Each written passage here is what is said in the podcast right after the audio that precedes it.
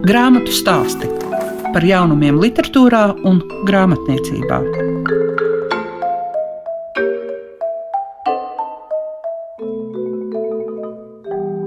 Esiet sveicināti visi tie, kas klausās grāmatu stāstus, un šodien jūs varēsiet dzirdēt Ingu Žoludi.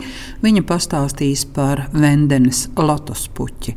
Tā ir grāmata, kas veltīta Jānim Porukam, kā arī pievērsīsimies klausām grāmatu platformai Klausām Nami. Grāmatu stāsti tiem, kam grāmatu lasīšana ir vērtība. Es domāju, ka diezgan daudz cilvēku jau šobrīd prot paskaidrot, kas ir Vendenes lotus puķi. Un jāsaka, ka manai sarunu biedrenei grāmatu stāstos Ingai Žaludei arī ir uz atloka lotus puķi. Ne viņai vien, arī tiem, kas ir palīdzējuši tapt šai grāmatai no izdevniecības puses. Dažādās krāsās šī lotus puķa kā nozīmīta ir piesprausta. Tev pašai bija jau pašā sākumā zināms, ka grāmatai būs tāds nosaukums. Un tu esi visu to līniju izturējis.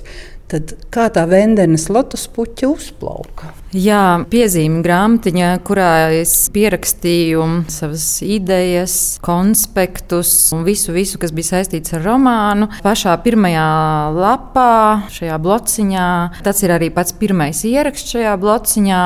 Tas ir šķiet 18. gada 14. decembrī Vendens Lotus puķe ar domu, ka tas būs grāmatas nosaukums. Un tā tas arī ir līdz galam izturēts un varbūt vienīgi pašā pēdējā brīdī pirms sūtīt grāmatu uz druku man parādījās kāds cits variants. Bet tad es sapratu, ne, ka tā ir tomēr Vendens Lotspuķa. Tāda tā ir bijusi iecerēta, tāda tā ir bijusi uzrakstīta un tāda tā arī ir. Jau sākot pētīt poruku, es sapratu, ka viņa tāda svarīgākā gan dzīvē, gan literatūrā, ko viņš ir rakstījis, gan arī tādā garīgā plāksnē, tā ir mīlestība. Un es sapratu, ka tam arī ir jābūt šim kodolam vai ietvaram, kurā to poruku ieliet, ielikt iekšā. Vendens Lotus puķetā, protams, ir viņa dzīves svarīgākā persona, viņa sieva. Personība meklē personību, arī tā var teikt par visu šo sēriju es esmu. Jo spēles noteikumi ir tādi, ka tev ir jāmaina dzimums, tev ir jāmaina laiks, kurā tu dzīvo. Kā tev veidojās šīs attiecības? Personība meklē personību. Jo man jau godīgi sakot, liekas, ka tu esi poruka vēstnes. Man tas veidojās diezgan organiski un nesagādāja lielas grūtības. Tas ir viens no jautājumiem, ko cilvēki man tagad jau izlasot grāmatu ļoti bieži uzdod. Jautājumi bija tādi, vai man nebija grūti iejusties, ņemot vērā viņu to psihisko stāvokli, vai man nebija grūti to rakstīt, vai tas nebija neizturami. Bet man tādu negatīvu vai pārdzīvojumu brīžu īpaši nav bijis. Viena iemesla dēļ, tas, ka es visu laiku, man arī tas um, nerakstītais tāds uzstādījums bija mēģināt saskatīt to īsto poru, to labo poru, to nezināmo mums poru, kas aiz visām šīm klišajām par poruku, kas ir palicis līdz šim nepētīts, neapsmadzeņots. Es visu laiku gribēju to visu tā tādus putekļus nopūst nost un mēģināt ieraudzīt to tiešām sirds šķīsto, garīgo, naivo, varbūt poruku. Vai nav tā, ka poruks ir maz lasīts un tāpēc arī par viņu maz interesējās? Un ka tu esi uzjundījis to un īsnībā vēl tik veiksmīgi ar visu viņu 150 gadi parādījis parādījis to, kādas pērles un kādas vērtības ir mūsu kultūras vēsturē, mūsu literatūrā. Jā, man šķiet, ka ar poruku tā problēma, kā viņš ir kanonizēts, ir tiešām ļoti izteikta problēma. Jo skaidrs, ka ne skolu programmās mēs nevaram apskatīt visu poruku dairadu, jo tā ir ļoti plaša, ka ir jāveic kaut kāda atlase. Arī varbūt vienkāršam lasītājam, kurš katrs lasītājs dosies un lielākā daļa nedosies pēc kopotajiem rakstiem, kas ir diezgan liels apjoms, ko izlasīt, ka ir kaut kāda atlase, kas ir jāveic, bet kaut kādā acīm redzot brīdī ir iegājies, ka tie ir vieni un tie paši darbi, par kuriem tiek runāts jau 120 gadus. Un tad, kad es saskāros ar šo lielo, plašo poruka mantojumu, un, protams, tas ir mūsdienu skatījums, un varbūt arī es kā autors arī uz to skatos citādāk, tādā profesionālā līmenī, arī novērtēju kaut kādas lietas, kā viņam ir izdevies kaut ko parādīt, vai tēmas, par kurām viņš ir runājis. Protams, ka man gribējās pievērst uzmanību arī vēl tik daudziem, daudziem citiem darbiem, kas ir tikpat vai dažos gadījumos vēl izcilāki un interesantāki nekā mēs to esam pieraduši uzskatīt. Ja mēs runājam par valodu, man liekas, ka gaidot arī šo tavu romānu, ļoti daudz teica, nu viņi tagad gaida, kā varēs gavilēt un priecāties par valodisko pusi, par to, kā tu esi uzrakstījis.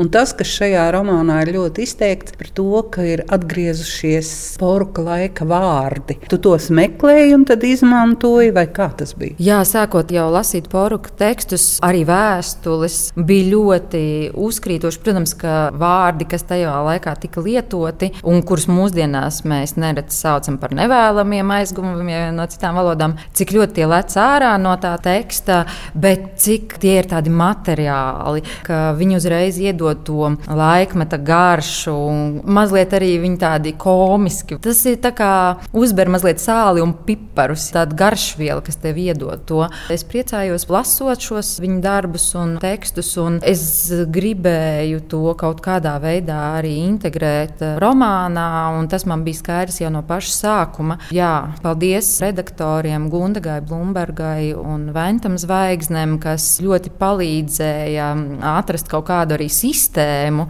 Jo, ja mēs sākam lietot vienu vārdu, tad tas nevar būt vienā vietā, tad tas konsekventi jānes cauri visam romānam un arī salikteņos, piemēram, ja mēs to pašu vārdu izmantojam, mēs nevaram teikt atmosfēra, bet tad lietot sfēra. Tā tad mums ir sfēra automātiski, ja, kas varbūt sākumā, nu, es varbūt neaizdomājos tik tālu. Paldies brīnišķīgiem redaktoriem, kas tiešām atbalstīja šo ideju un neprotestēja, un, un mēs varējām šo valodu, ko arī Poruks ir izmantojis, protams, ne tādā mērā. Tās ir tikai tādas mazas detaļas vai tādi mazi mozaīkas gabaliņi, ko mēs esam paņēmuši un ielikuši mūsdienu lasītājiem kā tādu nelielu degustācijas gabaliņu, lai varētu mazliet iejusties tajā laikmetā. Cik daudz tev nācās domāt arī rakstot un pētot poruku par tādu jēdzienu kā patiesība? Smadzeņu aizmugurē vai domas aizmugurējā daļā tas visu laiku ir bijis. Es vairāk varbūt piesaucu vārdu, vai kas vairāk man tā draudīgāk skanēja, tas bija tāds šaubas, šaubu sajūta. Kā tad īsti bija? Vienā avotā ir tā rakstīts, citā avotā citādāk. Vai vairākos avotos rakstīts viens un tas pats, bet es, teiksim, izlasot visu poruka tekstu korpusu, es tam nepiekrītu, vai es domāju citādāk. Un visu laiku bija tāda um, viedokļu polifona harmonija. Skaidrs, ka kaut kādi lēmumi ir jāpieņem. Patiesība tā ir mana patiesība, un lasītājam tas ir jāpatur prātā, ka tas nebūtu nav īstais patiesais poruks. Es gribētu uzsvērt, ka mēs nezinām, kāds ir patiesais poruks. Nekad neesam zinājuši, nezinām, neuzzināsim. Mēs varam visu laiku tuvoties un atkāpties dažādos laikmetos, no dažādiem rakursiem skatīties. Tie ir tikai dažādi rakursi, un šī patiesība ir nevis viena patiesība, bet ir ļoti daudz patiesību, kuras, manuprāt, neizslēdz cita citu. Bet tieši par šo vārdu patiesību vai jēdzienu patiesība man nācies vairāk saskarties tagad, kad uh, romāns ir uh, izdots un kad to cilvēki ir izlasījuši. Tad pie manis jau sāk nākt tāda atgriezeniskā saite par to, vai patiesībā tā bija vai patiesībā tā nebija. Un es esmu arī piefiksējusi, ka saņemot kaut kādu atgriezenisko saiti no cilvēkiem, lasītājiem, ka viņi saka, jā, es nemaz nezināju, ka poruks ir tāds, un porks ir šitāds. Un tā, un es saprotu, ka tā ir tā patiesība šobrīd par porku, bet katrā ziņā es negribētu teikt, ka tā ir vienīgā vai kaut kāda svarīgākā. Es katrā ziņā aicinātu katru pašu lasīt porku darbus un atrast to savu patiesību par porku. Jā, un gal galā varbūt ir arī kāds, kurš arī grib uzrakstīt vēl biogrāfiju par poruku, jo tās jau ir sākotnēji rakstītas tikai pēc poruka aiziešanas. Jā, visas biogrāfijas par poruku ir tapušas pēc poruka nāves. Tad viņš aiziet 11. gadā, 21. gadā uzrakst Viktors Eglīts, tad 30. 35. un tā tālāk. Mums vairs nav pieejams dažas no mūsdienās tādām pieņemtām, akceptētām biogrāfiskām metodēm, kā intervēšana vai kaut kāda liecinieku intervēšana, jo viņu vairs nav vienkārši. Tas ir vairāk darbs ar arhīviem un dokumentiem, kas nav līdz šim veikts tādā līmenī un nav tādā apkopojumā veikts. Jo tās porka biogrāfijas, šie 20, 30 gadi, kad tās ir tapušas, tad šādas metodas vienkārši vēl acīm redzot nebija populāras vai nepraktizēja latviešu literatūras zinātnē, kurai vispār tā tradīcija nebija vēl pārāk ilgstoša. Es domāju, ka mūsdienās vēl nekas nav nokavēts un ka šīs dokumentārās liecības mums apkopojot vienā tādā pētījumā, mums varētu atkal atklāt daudz ko jaunu. Vai tās situācijas, kur tu esi iemiesojusies porukā, varētu būt saistītas ar tiem latīniskajiem nosaukumiem un ziediem?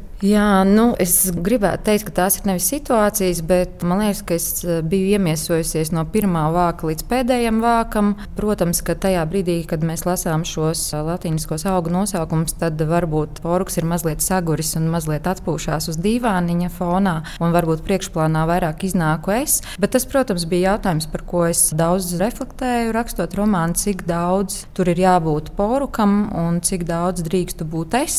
Un es sapratu, ka tomēr uz uz grāmatas vāka būs mans vārds arī līdzās poruka. Tā kā es nevaru, negribu, man arī droši vien nav sevi jāizdzēš kā autoru, jo galu galā pētniekam tas iespējams ir citādāk, bet es sapratu, ka man savas pēdas nav pilnībā jādzēš, un es arī atļāvos piedalīties ar tiem saviem latīniskajiem nosaukumiem, kas manā darbā iepriekš jau ir ienākuši un kas man vispār ir mīļi. Man liekas, ka tas arī savā ziņā piestāv piestāv pie romāna par poruku. Tā kā nav izslēgts, ka tā varēja būt daļa arī no viņa paša realitātes. Grāmatu stāsti programmā Klasika. Šīs dienas grāmatas stāstos jūs varēsiet dzirdēt Miku Būmeistaru, un tas jautājums ir par klausām namiem. Kas tie tādi, ko tie ēd? Tie ēd pirmām kārtām balsi un ausis, ar balsīm ēd ausis. Tās ir uh, klausām grāmatas. Klausām nami ir platforma, kurā ievietot pašu veidotas, un kuru mēs arī paši veidojam klausām grāmatas. Nu, tā ir pirmā platforma Latvijā Citās valstīs jau tas ir ļoti izplatīts, bet Latvijā tas ir pirmais lielais mēģinājums ar klausām grāmatām. Man gribētos, lai tā būtu ikdienišķa prakse klausīties grāmatas. Kāpēc tāda ideja radās un kad tā radās? Es pirms gadiem, astoņiem, deviņiem, aizgāju no pilsētas uz laukiem. Dzīvoju laukos, galīgā nostā, mežā, teltīs un uzbūvēju mazu mājiņu. Pats pie sevis lasīju skaļi grāmatas. Es domāju, ka iegādāšos diktafonu, iegādājos ne to labāko diktafonu, un tad diktafonā staigāju pa mežu, lasīju tur Ehardu Tolli, tur Daude Dzinu, Bagavada Gītu un e, visādus tādus svētos rakstus un, un, un Anastāsijas skanošos ciedrus biedrus, ierunāju grāmatas, un tad es vienkārši dalījos, devu draugiem un paziņām. Un tas bija tā pirmā inspirācija, tāda iedvesma kaut ko tādu darīt. Bet tad tas kaut kā nolikās. Es taisīju koklas, mājas būvēju un pa mežu tik dzīvojos. Un tad sanāca pārcelšanās, un tad uzzināju kaut ko par projektiem. Un tad es caur biedrību Sateka lauka atbalsta dienestā uzrakstīju projektu, ko apstiprināju, un arī Gulbens pašvaldībā uzrakstīju projektu un dabūju līdzfinansējumu. Tad izveidoju studiju Galgauskā un platformu digitālo. Cik tajā kopā tad ir noklausāmas grāmatas uz šo brīdi? Pie 20 grāmatām. Savu pusgadu viņa noteikti ir darbībā. Tā tad ik viens var www klausām nami.lv. Klausīties. Reģistrēties, un tad klausīšanās ir kādas klausām grāmatas par velti, un ir tādas, kuras ir iegādājamas. Un iegādājamas viņas ir iekš izveidotā profila. Tā klausām grāmata ir tiešsaistē straumējama un ir visu laiku pieejama. Kā vispār notiek tas ceļš, ja mēs ņemam, lai tas būtu legāli, autoram arī izdevīgi, tā kārtība, lai nonāktu līdz klausām namiem? Pats būtiskākais jau ir īstenībā vēlme lai tās grāmatas būtu klausāmas. Un tad ir jāsāk šķetināt jā, tās skaistās autortiesību lietas, kur ir uh, iesaistītas izdevniecības, ir iesaistīta, kā piemēram, arī akalā. Tad ir, ir autori jau paši. Autori paši, jā, un tad ir savstarpēji autoru līgumi ar kādiem starpniekiem, kā piemēram Akulā, un tad mēs, kā klausām grāmatu izdevēji, nevaram pataisnot pat ar autoru, un, bet viņi visi ir izdarāmi un nav tik sarežģīti. Es saku, nu, pats, pats būtiskākais ir vēlme un atvērtība uz to, lai tas taptu. Tas ir pats pamats. Nu, vislielākā priekšrocība ir tev tā klausām grāmata, ir mūsdienu modernajam cilvēkam visu laiku pieejama. Tur nav jāvazā atsevišķi kāds disks, lai gan ir jau, protams, tā cilvēku grupa, kuriem ļoti tīk ka tomēr ir Taustāms. katra taustāms, arī kaut kāds disks ir taustāms, bet tāpat tās laiks iet uz priekšu, un tās interneta priekšrocības ir izmantojamas labām lietām, un klausām grāmatas ir viena no tām labajām lietām, kā to var izmantot. Tev pat nav arī lejup jālādē, tev nav jānēsā milzīgie faili, tas viss ir iekšā internetā, un mūsdienās pārsvarā visiem ir internets pieejams, un pārsvarā bez limita, un tas ir brīnišķīgi, ja tu jau kur, kur esi, tu vari klausīties. Vai tās grāmatas, kuras ir ierunātas, viņas ir ierunātas no vāka līdz vākam, fragmentiem, kā viņiem ir ar skanisko pielikumu. Pagaidām es esmu ko pats veidojis grāmatas, esmu bez papildus skaņām. Jo klausām grāmatām ir pāris veidi, kā tās var būt lasītas. Varbūt ar mūziku fonā, vienalga vai mūzika vai dabas skaņas. Varbūt vienkārši sava veida monotons lasījums. Vai arī var jau būt, kad ir aktieriskā meistarība likta klāt, un katrs tēls tiek iedzīvināts un uzcelts jau celts Tā ārā. Jā, jā, jā, jā, jā. Un tas ir dažādi. Nu, mans pats pe- personīgais paša darbs, ko es esmu izdarījis, tas ir Meistars un Margarita. Jā, un to es tā aizrautīgi pats sev režisors, pats sev aktieris, viss kopums, lielākais darbs, ko es pats esmu izdarījis. Un cik tad tas ir garš? ieraksts? Ja nemaldos, ieraksts bija 18, 19 stundas. Kā ir ar šīm balss izvēlēm? Jā, ir bijuši pāris reizes, ka man raksta, ka gribētu pat atbraukt, un mēs runājam, ka varētu to darīt, bet kaut kur pazūd. Ir arī reizes, kad raksta, un es vēl paralēli daru citas lietas, un tam ir savas aušības pēc arī kādam neatbildu. Es esmu ļoti atvērts. Man nešķiet, ka obligāti ir jālasa tikai un vienīgi profesionāļiem. Nu, ņemsim par piemēru Rūtentālu. Kāds bija viņa pats galvenais uzstādījums, lai cilvēks ir pilnīgi negatavs, jo viņš var parādīt kaut ko tādu, ko tas gatavais jau kurā ir salikts viss iekšā, visi tie, ko nevar izdarīt. Un tas reizes savā veidā tas tā vienkāršība un cilvēks pēdiņās parastais var uztaisīt arī kaut ko ļoti brīnišķīgu. Un es esmu par to, ka lasīt mēs mākam visi. Nu, Meistars un Margarita tā tad mums pārstāv krievu literatūru, bet vairākumā taču ir latviešu literāta darbi. Ne tikai, piemēram, viens tāds maģisks piedzīvojums man bija. Es braucu pie Ivo Pūriņa. Ivo Pūriņš, Tolteku gudrību nesējs un uh, laika zinātājs un zīmju lasītājs. Nu, viņš laida patiešām. Viņš laida patiešām. Es aizbraucu pie viņa. Mēs trīs dienas, manuprāt, es biju. Ieraksts bija uz 14 stundām, ja nemaldos. Pēc tam visu apgraizot, sataisot, sanāca grāmatu uz 7 stundām. Bet tas bija jā, tāds arī piedzīvojums, maģiski garīgs un visāds bija ļoti, ļoti, ļoti interesanti arī. Kas ir tas pats sarežģītākais, lai šādu platformu gan radītu, gan uzturētu? Finanses. Man tiešām tās ir finanses, jo um, savā veidā es esmu mežā dzīvojošs, kurš arī neaugst baigi pēc kaut kur tām āršķirībām. Pilsētā esmu tikai, ja vajag kaut kādas darīšanas, kaut ko. Es esmu darītājs, man, man tīk darīt, bet tad, kad sākās tie finansiālie jautājumi, tas ir man tas visgrūtākais. Kā zināms, grāmatu lauciņš ir tāds, ka bez finansēm nu, tu nevari tā līdz lāgam to izdarīt. Visu. Ja nav pašam savas, tad viņas ir kaut kur jāizķīķerē. Ar kuru grāmatu šobrīd strādā? Nu, tagad jau kādu ilgāku laiku ir uh, grāmata. Valdis Steins mums ir tāds gudrs vīrs Latvijā, un e, viņa grāmata Tautvaldība top jau ilgāku laiku, un arī bija vēl viena viņa grāmata iesāktā, kuru viņš jau gandrīz bija visu ierunājis, bet tad viņš sāka viņu pārrakstīt. Jo viņš grib, lai būtu maksimāli tuvu tam, kā notiek tagad. Jo viņš par visu, kas notiek un kā ir bijis un kā vajadzētu būt. Un, nu, jā, tā grāmata tur tā kaut kā iestrēga, un tad es sāku tagad e, tautvaldību. Tā nav daļa literatūra.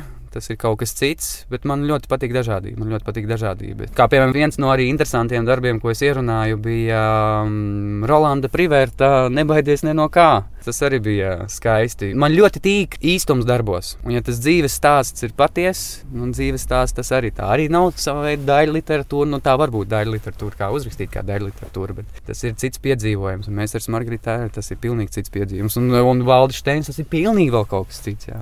Tā dažādība man ļoti tīk. Es domāju, ka tieši šī dažādība arī varētu būt kaut vai viens no āķīšiem interesē, lai to paklausītos. Jo es arī īsti nevaru iedomāties, kā tas ir klausīties ne dēļ literatūru. Nu, bet vispār tas jau mūsdienās ir populāri. Populāri ir tā saucamie podkāsti. Nu, tur nekāds sakars nav daļa literatūra, bet tā ir klausām viela. Tāpat tās arī klausām viela ir radio. Nu, labi, mūzika tur ir pa vidu, bet cilvēki klausās kā kāds vervelē.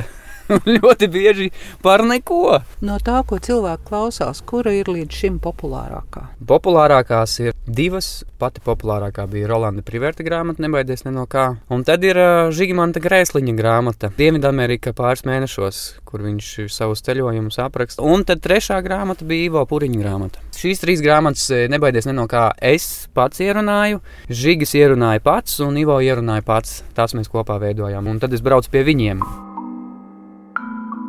izskan grāmatu stāsti. Šīs dienas raidījumā Inga Žalude pastāstīja par Jānim Porukam veltīto grāmatu Vendenes Lotas puķe un uzklausījām Miku Bulmeisteru, kurš stāstīja par klausām grāmatu platformu Klausām nami. Visu labu jums saka Lieka Piešiņa. Grāmatu stāsti par jaunumiem literatūrā un grāmatniecībā ik trešdien, 9.5. ar atkārtojumu Svētdien, 18.15.